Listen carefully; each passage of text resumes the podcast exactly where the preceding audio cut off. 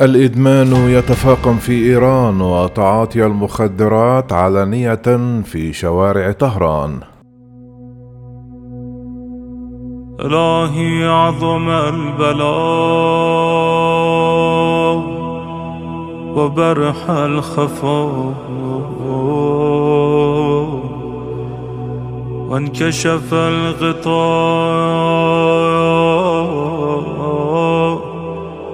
وانقطع الرجاء.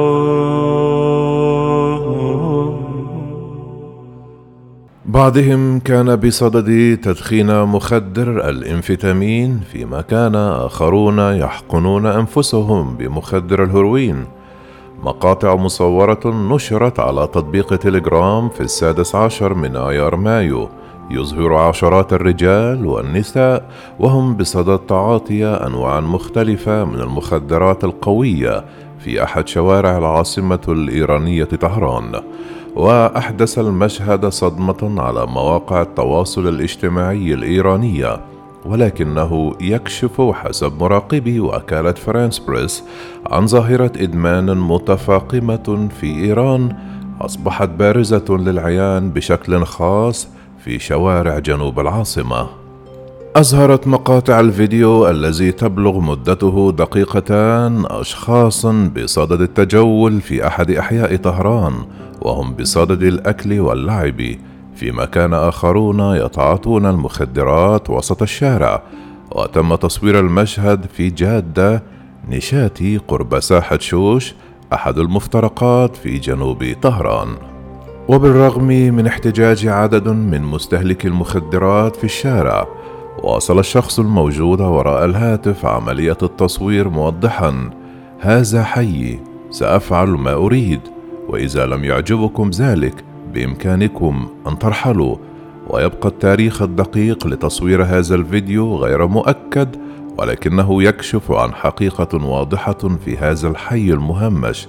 الذي أصبح منذ قرابة عامين وكرا لعدد كبير من مدمني المخدرات الذين يعيش كثير منهم دون مأوى. ويوجد في إيران ما يقرب من خمسة ملايين مستهلك للمخدرات. وحسب الأرقام الرسمية فإن أربعة آلاف شخصا يموتون كل سنة بسبب تعاطي جرعات زائدة من المخدرات. وتشير التقديرات إلى أن واحد من ستة عشر شخصا في إيران استهلك المخدرات في حياته. كل هؤلاء الأشخاص الذين ما زالوا يعيشون في الحدائق العامة تجمعوا في الساحات الرئيسية. وتقول سيما وهو اسم مستعار لصحفية إيرانية عملت طيلة سنوات عدة على موضوع إدمان المخدرات في إيران وتوضح سبب بروز هذه الظاهرة إلى العيان في طهران. حسب بعض التقديرات يوجد في إيران حوالي أربعة وستون ألف شخص مدمن على المخدرات دون مأوى. وفي جنوب طهران تحولت الحدائق العامة والأحياء منذ عقود إلى مكان لتجمع مستهلكي المخدرات وهو ما عليه الحال الآن في حي دار فازغاز الفقير أو حديقة هرندي. ومنذ سنتين قام رجال الشرطة بطرد مدمني المخدرات الذين كانوا متواجدين في هذه الحديقة وذلك بهدف منعهم من العودة إليها والاستقرار هناك. وهو ما دفع كل هؤلاء الأشخاص الذين ما زالوا يعيشون في الحدائق العامة للتوجه إلى ساحة شوش أحد مفترقات الطرق الأكثر اكتظاظا في جنوب طهران أي في الحي الذي تم فيه التقاط الفيديو. لا يعد الالتقاء بمدمن المخدرات في حي شوش أمرا مفاجئا ولكن وجودهم أصبح يتزايد منذ عمليات الطرد التي تم تنفيذها في أحياء أخرى. هؤلاء الناس فقراء وبعضهم يلجأ إلى القيام بسرقات صغيرة للحصول على المال اللازم لشراء المخدرات وهو ما يجعل هذه الأحياء أكثر خطورة.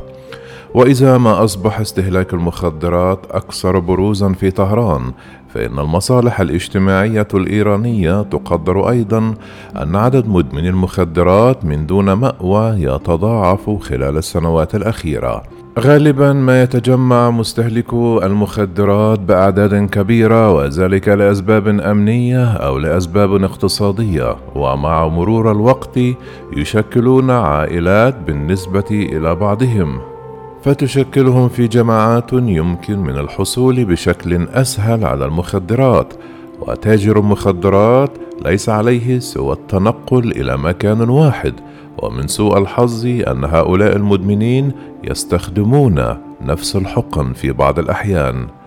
لا تتواجد الشرطة بشكل مستمر في الحي وتتدخل فقط في عمليه مداهمة أو طرد ممنهجة والتي تليها عمليات إيقاف جماعية.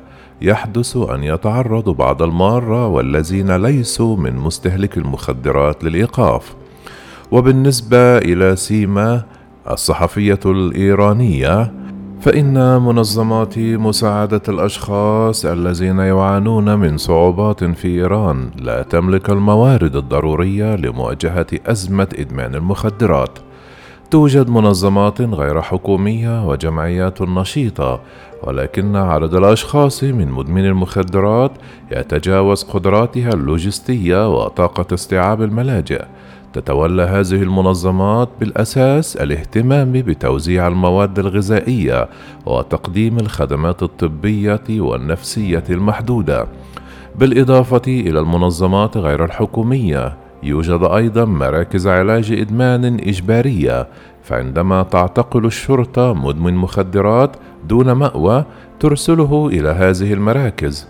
ولكن ظروف الإيواء في هذه المراكز مرعبة مع وجود حالات إهانة كثيرة إضافة إلى العنف الذي يؤدي إلى الموت في بعض الأحيان. بعض مدمني المخدرات مروا مرة أو اثنين بمراكز علاج الإدمان ذات الفاعلية المحدودة. قرابة 80% من مدمني المخدرات يعودون إلى الاستهلاك بعد فترة علاج الإدمان حسب خبراء إيرانيين. الطريقة الوحيدة التي تلجأ إليها في إيران لمكافحة إدمان المخدرات خاصة فيما يتعلق بالأشخاص دون مأوى وفي حالة صعبة هي الطريقة البوليسية القائمة على الاعتقالات والإيواء القسري ولكن ظاهرة إدمان المخدرات هي معضلة أوسع بكثير وتتطلب حلا شاملا على المستويين الاجتماعي والاقتصادي. في إيران أصبح الحصول على المخدرات أمرا سهلا ومتاحا بسبب القرب من أفغانستان بالخصوص المعروفة بأنها أول منتج للمخدرات في العالم وخصوصا مخدر الأفيون وهو ما يجعل مستهلك المخدرات يتحصلون بسهولة عليها وبأسعار زهيدة وهو تفسير منى وهو اسم مستعار أيضا لصحفية إيرانية أخرى تعمل على مشاكل إدمان المخدرات في إيران. حسب عدد الدراسات فإن الوقت اللازم كمتوسط لكي ينجح شخص ما في شراء المخدرات في إيران هو 30 دقيقة ويتراوح سعر الأفيون بين سبعة آلاف واثنى عشر ألف تومان للجرام الواحد أي ما بين 0.26 و 0.46 من اليورو وإذا ما قدرنا متوسط الاستهلاك في اليوم في حدود خمسة جرامات فإن ذلك يكلف ما بين خمسة وثلاثون ألف إلى ستون ألف تومان أي أقل من ثلاثة يورو. في المقابل يستهلك مدمن المخدرات من فاقد المأوى بالخصوص مخدرات أرخص بكثير وأكثر تاثيرا من الأفيون. ويمكن شراء المخدرات على غرار الهيروين والإنفيتامين بأسعار مشابهة في شوارع طهران. وإذا ما كان سعر المخدرات أرخص بكثير من دول أخرى فإن استهلاكها يكلف الكثير من المال في إيران. إذ يبلغ الأجر الأدنى المضمون في إيران قرابة 2.6 مليون تومان أي ما يعادل 100 يورو. وتقول الصحفية الإيرانية لكسب ذلك المال يقوم الرجال بالسرقة ويوهمون بوقوع حادث سيارة كما يمكن أن تلجأ النسوة إلى الدعارة. وبحسب الأرقام الرسمية فإن إيران حجزت أكثر من 1200 طن من المخدرات خلال عام 2020 أي ما يمثل رقما قياسيا عالميا. إلهي عظم البلاء وبرح الخفاء.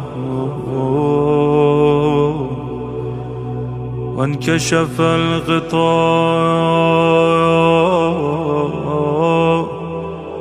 وانقطع الرجاء.